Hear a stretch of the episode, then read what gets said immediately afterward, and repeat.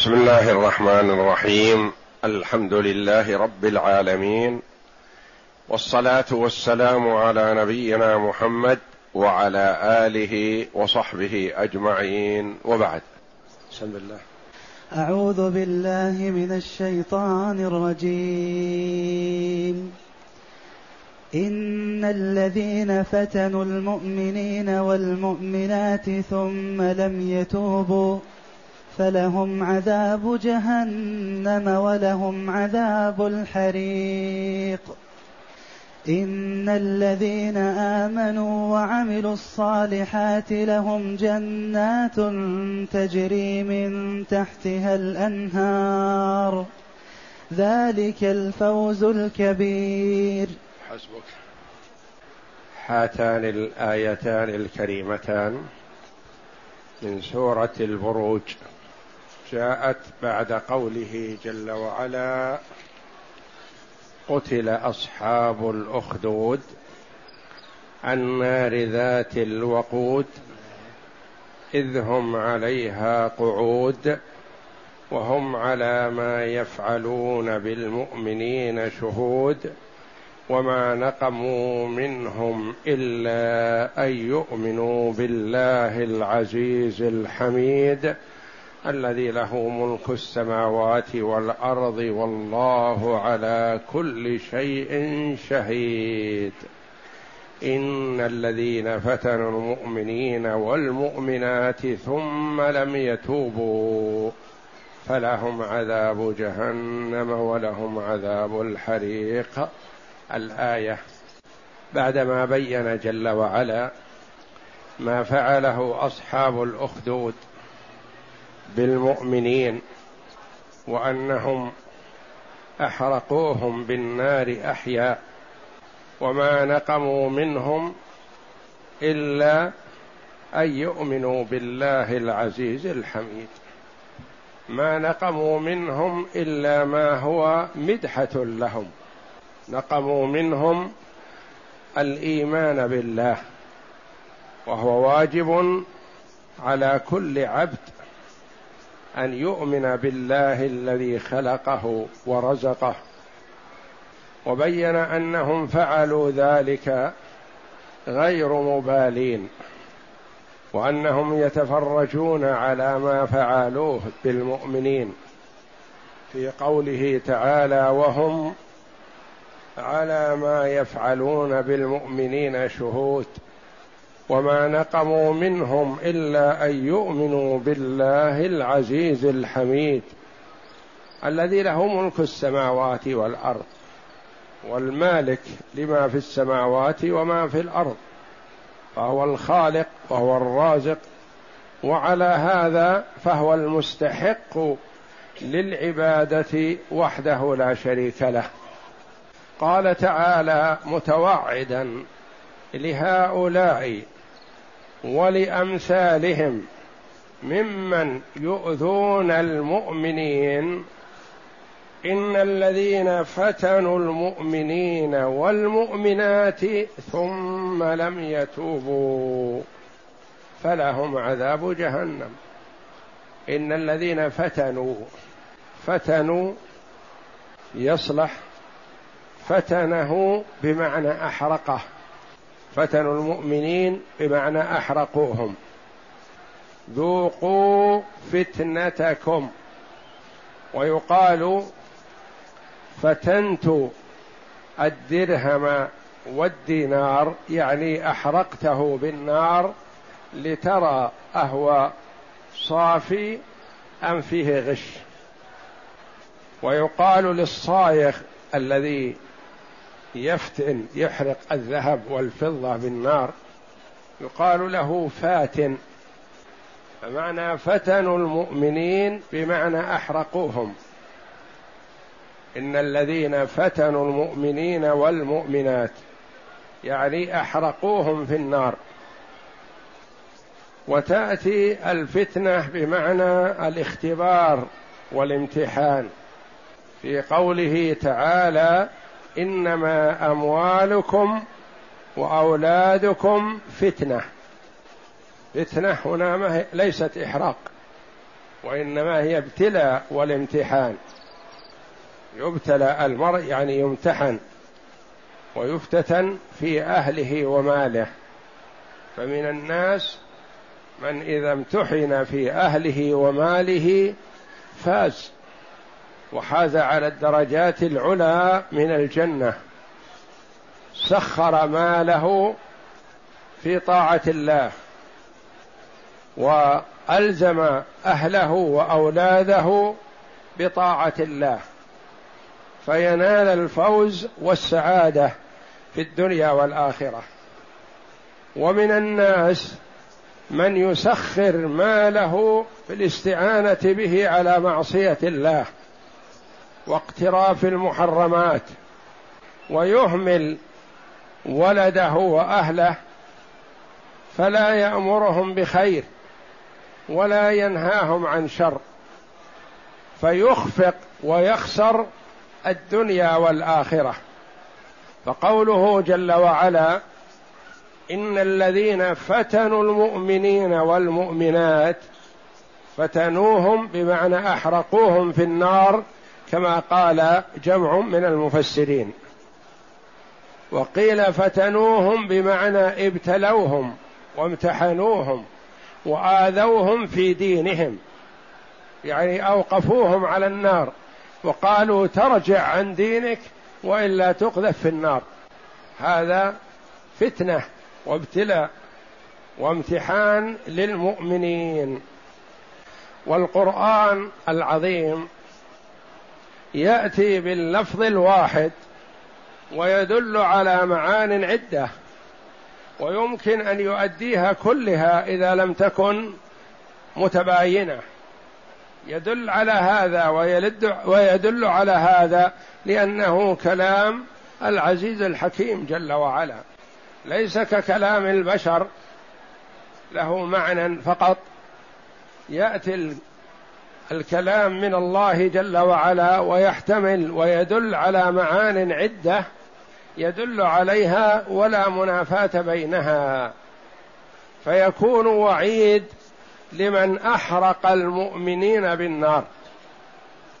ويكون وعيد لمن ابتلى وفتن واختبر المؤمنين على إيمانهم كما فعل كفار قريش يأتون بالفقير الضعيف المولى ممن آمن بمحمد صلى الله عليه وسلم فيضربونه ويبطحونه بالرمضاء ويضعون على ظهره وبطنه الحجارة ويقولون اكفر بمحمد وإلا هذا عذابك.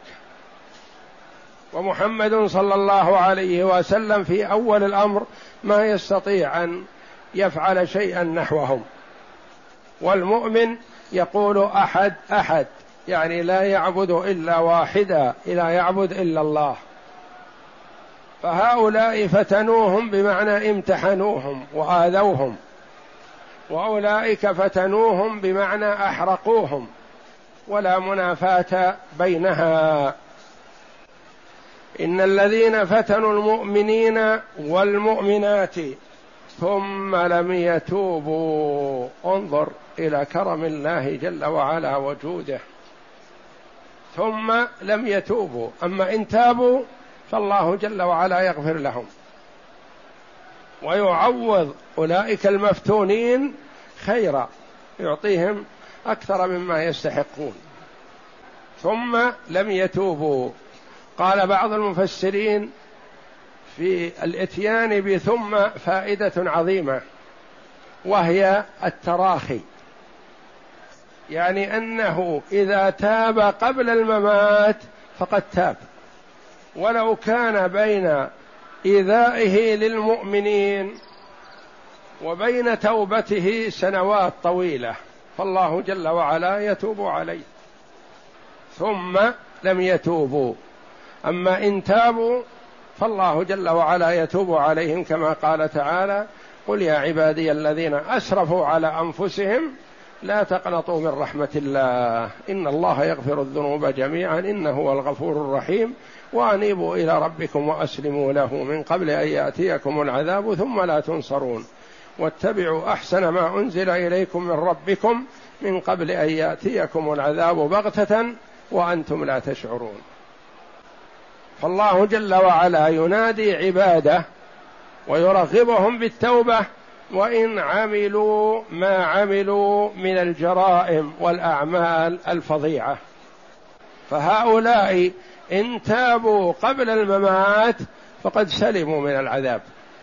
إن الذين فتنوا المؤمنين والمؤمنات ثم لم يتوبوا فلهم. لهم هذا إذا لم يتوبوا. أما إن تابوا فيسلمون. فلهم عذاب جهنم يعني يعذبون في جهنم في النار والعياذ بالله المحرقة. لهم عذاب جهنم ولهم عذاب الحريق. المفسرين رحمهم الله في خاتمة هذه الآية قولان لهم عذاب جهنم لأن جهنم مشتملة على أنواع العذاب. فيها عذاب الزمهرير البرد الشديد. وفيها عذاب النار الحريق النار المحرقة. لهم عذاب جهنم في الزمهرير ولهم عذاب الحريق الإحراق في النار. يعني يجمع لهم بين أصناف العذاب والعياذ بالله. لهم عذاب جهنم ولهم عذاب الحريق. قال آخرون لهم عذاب جهنم الذي يستحقونه لكفرهم. ولهم عذاب الحريق يعني عذاب زايد على عذاب جهنم لإحراقهم المؤمنين في النار. لهم عذاب جهنم ولهم عذاب الحريق. يعذب مثل من يكون كافر ويفتن المؤمنين. وكافر على نفسه ما يضر أحد. لا شك أن الكافر الذي يؤذي ويتسلط على المؤمنين أشد عذابا من كافر ما آذى. والكفر يستحق به العذاب. ولهذا خفف العذاب عذاب النار عن أبي طالب لكونه حمى النبي صلى الله عليه وسلم ودافع عنه. وهو مستحق للنار لأنه مات على الكفر مات على ملة عبد المطلب. فمن كان له أعمال سيئة مع كفره يستحق العذاب أكثر. فلهم عذاب جهنم لكفرهم ولهم عذاب بسبب إحراقهم المؤمنين في النار. قال آخرون لهم عذاب جهنم في الدار الآخرة. ولهم عذاب الحريق في الدنيا. جاء في الأثر أن الله رفع النار من الخنادق التي وضعوها فانقلبت على أهلها الذين أوقدوها. فأحرقتهم. فاستحقوا عذاب الحريق في الدنيا واستحقوا عذاب جهنم في الدار الآخرة. فلهم عذاب جهنم ولهم عذاب الحريق. وفي هذه الآية الكريمة تحذير لكل من تسول له نفسه أذى المؤمنين.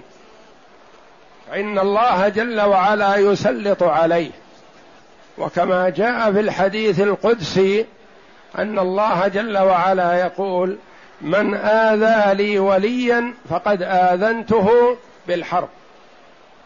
فمن آذى وليا من أولياء الله وكل من أطاع الله جل وعلا ووحده فهو من أولياء الله. كما قال تعالى ألا إن أولياء الله لا خوف عليهم ولا هم يحزنون. من هم؟ الذين آمنوا وكانوا يتقون. آمنوا بالله واتقوا الشرك والكفر. هؤلاء أولياء الله. فكل مؤمن ولي من أولياء الله.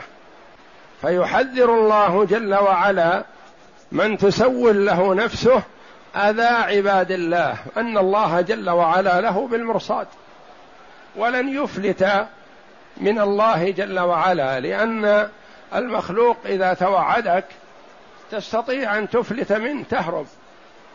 تستطيع أن تستشفع بأحد عزيز عليه فيشفع فيك فيشفع. تستطيع أن تهادي مثلا فيسمح. لكن الله جل وعلا بالمرصاد للعباد ما أحد يستطيع أن يفلت من يده. فهو جل وعلا يتوعد كل من آذى عبدا من عباد الله. بهذا الوعيد الشديد إن الذين فتنوا المؤمنين والمؤمنات ثم لم يتوبوا فلهم عذاب جهنم ولهم عذاب الحريق.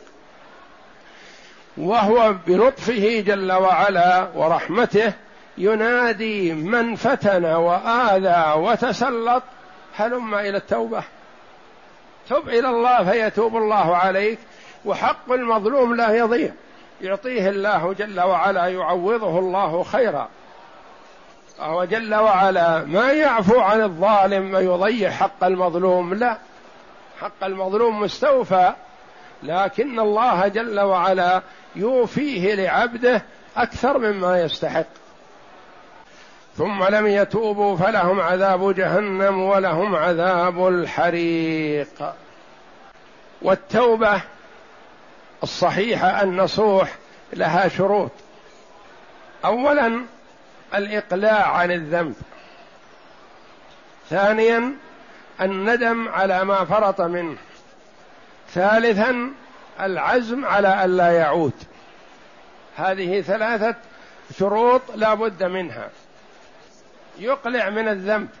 مثلا مرابي يقول استغفر الله وأتوب إليه وهو مستمر في الربا. هل هذه توبة صحيحة؟ لا كاذب. يشرب الخمر ويقول استغفر الله وأتوب إليه وهو مستمر ما ينوي الانقطاع. توبه توبة الكذابين هذه. يفعل الجرائم وهو مستمر فيها ويقول استغفر الله أرجو الله يعفو عني ونحو هذا الكلام. هذا تلاعب. الإقلاع عن الذنب. يترك الصلاة ويقول استغفر الله وأتوب إليه وهو مستمر على ترك الصلاة أو ترك الجماعة أو ترك الجمعة. ما تصح التوبة إلا بالإقلاع من الذنب. ثانيا الندم على ما فرط منه لأن من الناس من يتوب من يترك الذنب لكن يتبجح به ويمدح نفسه. أنا فعلت وأنا فعلت ومسرور بأفعاله السابقة يعتبرها ظفر وشجاعة وقدرة على الاحتيال ونحو ذلك. هذا ما تاب. لابد من الندم على ما فرط منه يعني الاعتراف بالخطأ السابق وأنه نادم عليه. ثالثا العزم على الا يعود إليه.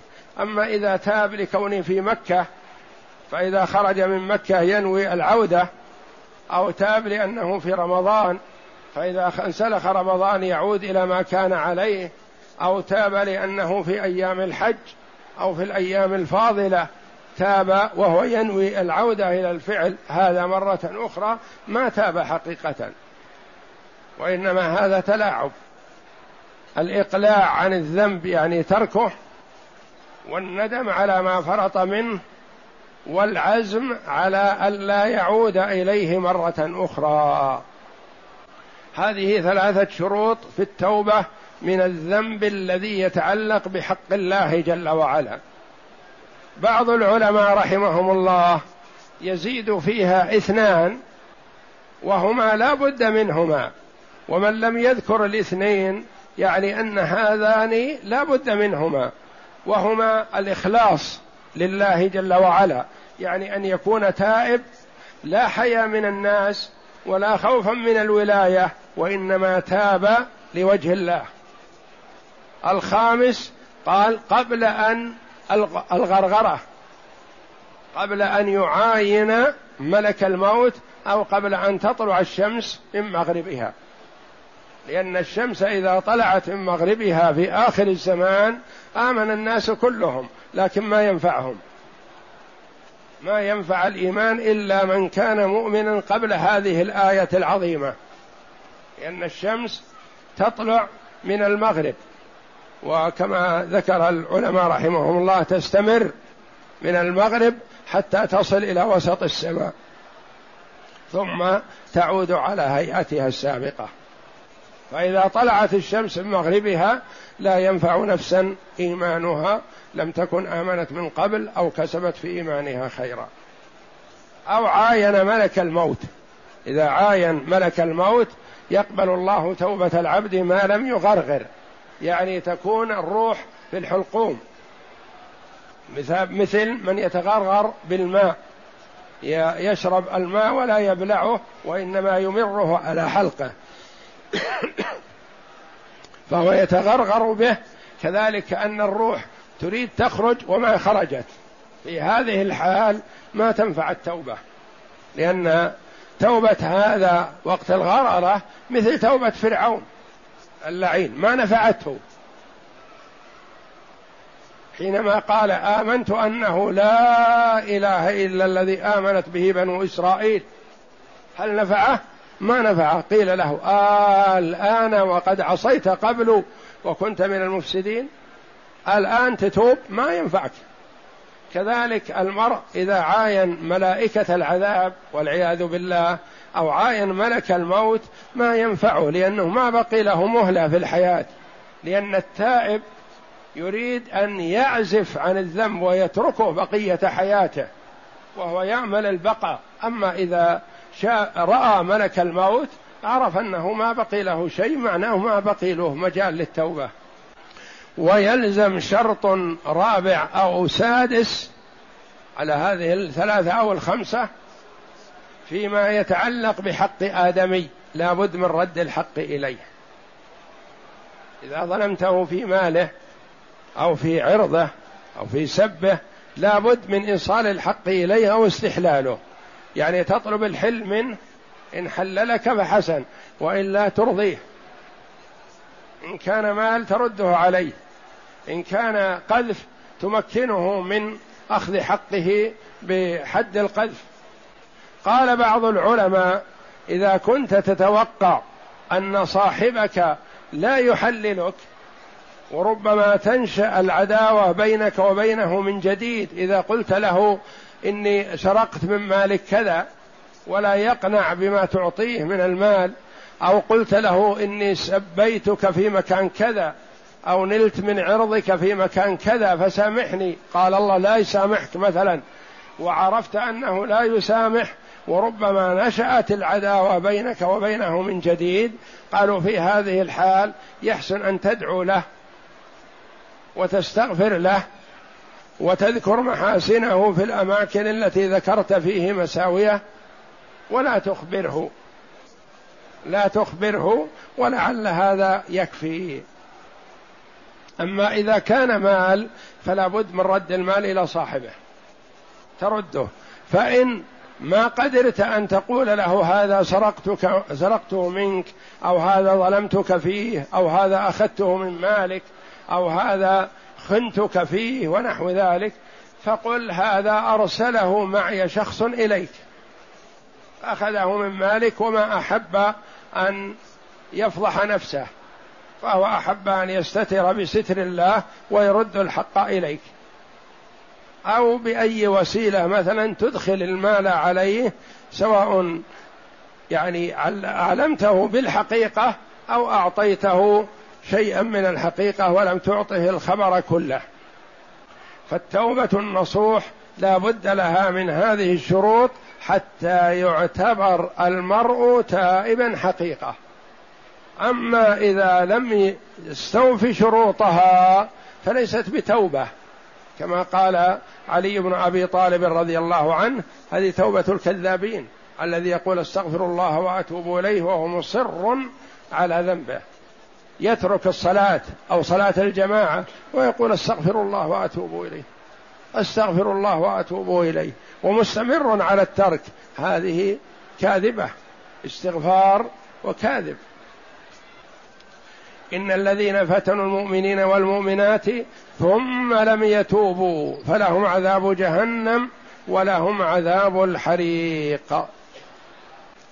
يقول تعالى إن الذين فتنوا المؤمنين والمؤمنات أي حرقوا قاله ابن عباس ومجاهد والضحاك ثم لم يتوبوا أي لم يقلعوا عما يفعل ما فعلوا ويندموا على ما أسلفوا فلهم عذاب جهنم ولهم عذاب الحريق. وذلك أن الجزاء من جنس العمل. قال الحسن البصري انظروا إلى هذا الكرم والجود. قتلوا أولياءه وهو يدعوهم إلى التوبة والمغفرة. إن الذين آمنوا وعملوا الصالحات لهم جنات تجري من تحتها الأنهار ذلك الفوز الكبير. جرت سنة الله جل وعلا. إذا ذكر عذاب الكفار والظالمين والمعتدين ذكر ثواب المؤمنين. وإذا ذكر ثواب المؤمنين اولا ذكر بعده ما يستحقه من كفر بالله.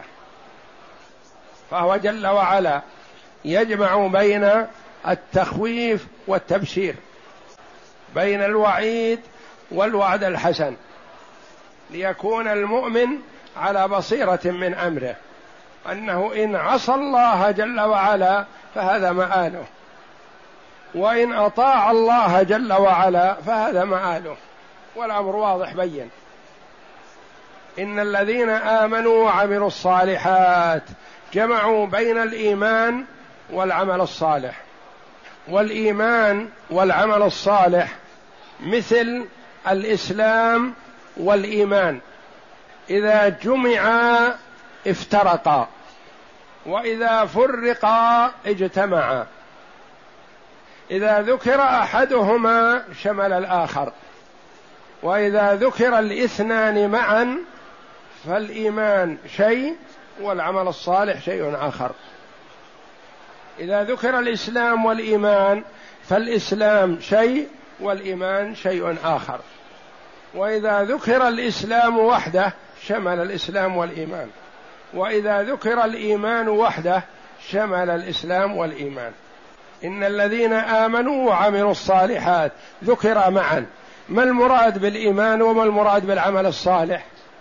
الإيمان عمل القلب. إيمان القلب وتصديقه الجازم واعتقاد وحدانية الله جل وعلا.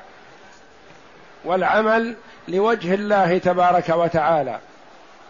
والعمل الصالح عمل الجوارح من الصلاة والزكاة والصيام والحج وبر الوالدين وصلة الأرحام والإحسان إلى الغير وغير ذلك من الأعمال الصالحة.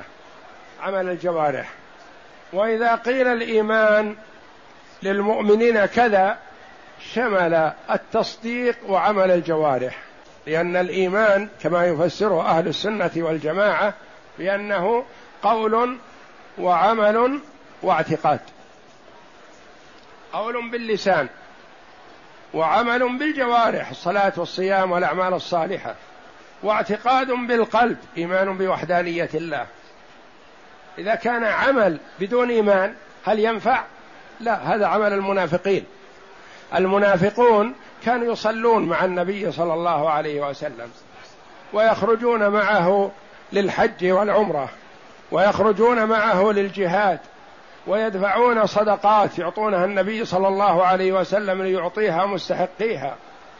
فهم يعملون الأعمال الصالحة ظاهرا لكن بدون إيمان. هذا لا ينفع. زعم المرء أنه مؤمن بدون عمل صالح هذا زعم كاذب.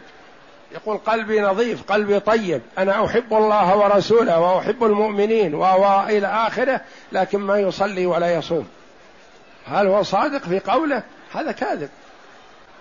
فلا بد القرآن والذكر والأعمال الصالحة الأقوال الصالحة وعمل صلاة وصيام وزكاة وحج وبر والدين وصلة الأرحام والإحسان إلى الغير.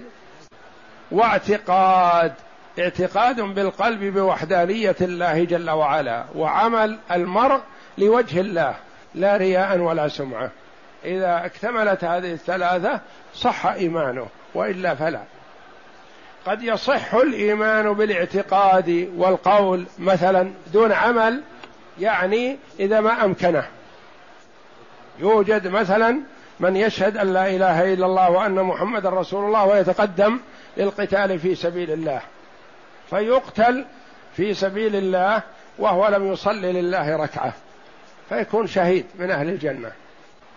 أو آمن في حال مرضه. ثم مات. فإنه يكون من أهل الجنة وإن لم يعمل شيء. كحال الغلام الذي فقده النبي صلى الله عليه وسلم يهودي غلام يهودي كان يتردد على النبي صلى الله عليه وسلم وهو على يهوديته. ففقده النبي صلى الله عليه وسلم وهو الرؤوف الرحيم بالأمة والحريص على إيمان كل أحد فقدوه قالوا إنه مريض قال هلم بنا لزيارته؟